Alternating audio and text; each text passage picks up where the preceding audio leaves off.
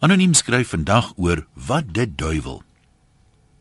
Ek wil 'n ernstige klagte lê vir versuim van pligte. Christene behoort tog 'n voorbeeld te stel. So as jy as Christen al dekades bewus is van iets wat ander Christene bedreig en jy doen vir jare en jare absoluut niks daaraan nie, dan wil ek weet hoekom jy jou plig so versuim het. Niks het mos verander nie. So hoekom sien jy nou skielik kans om dit te doen wat jy al lank al moes gedoen het? Dis natuurlik nou as jy dit moes gedoen het. Ek praat van die groep beswaarde, prominente Christene wat voorleggings aan die pleknaamkomitee gedoen het om Duiwelspiek se naam te verander na Duiwenkop toe.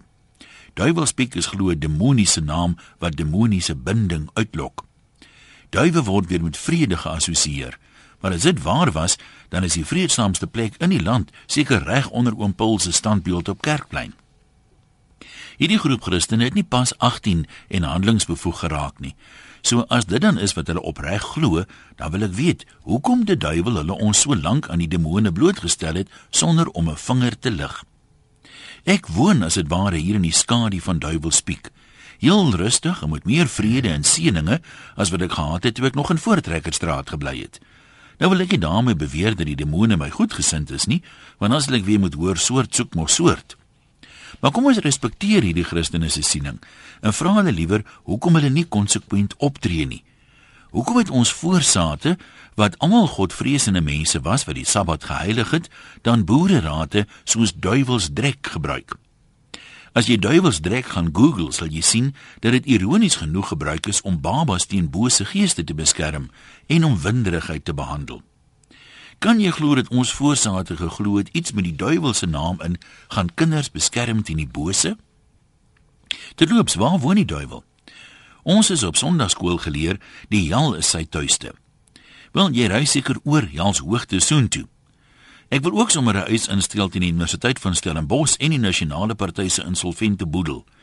Hulle het in die tyd toe nasionaal Christelike onderwys die evangelie was, wragtige koshuis op die Mati kampus Hels Hoogte gaan doop. Dis waar ek vir 3 jaar gebly het as onskuldige student. Blootgestel aan al die onheilighede wat sal tuis voel en nes maak in 'n plek met so 'n naam.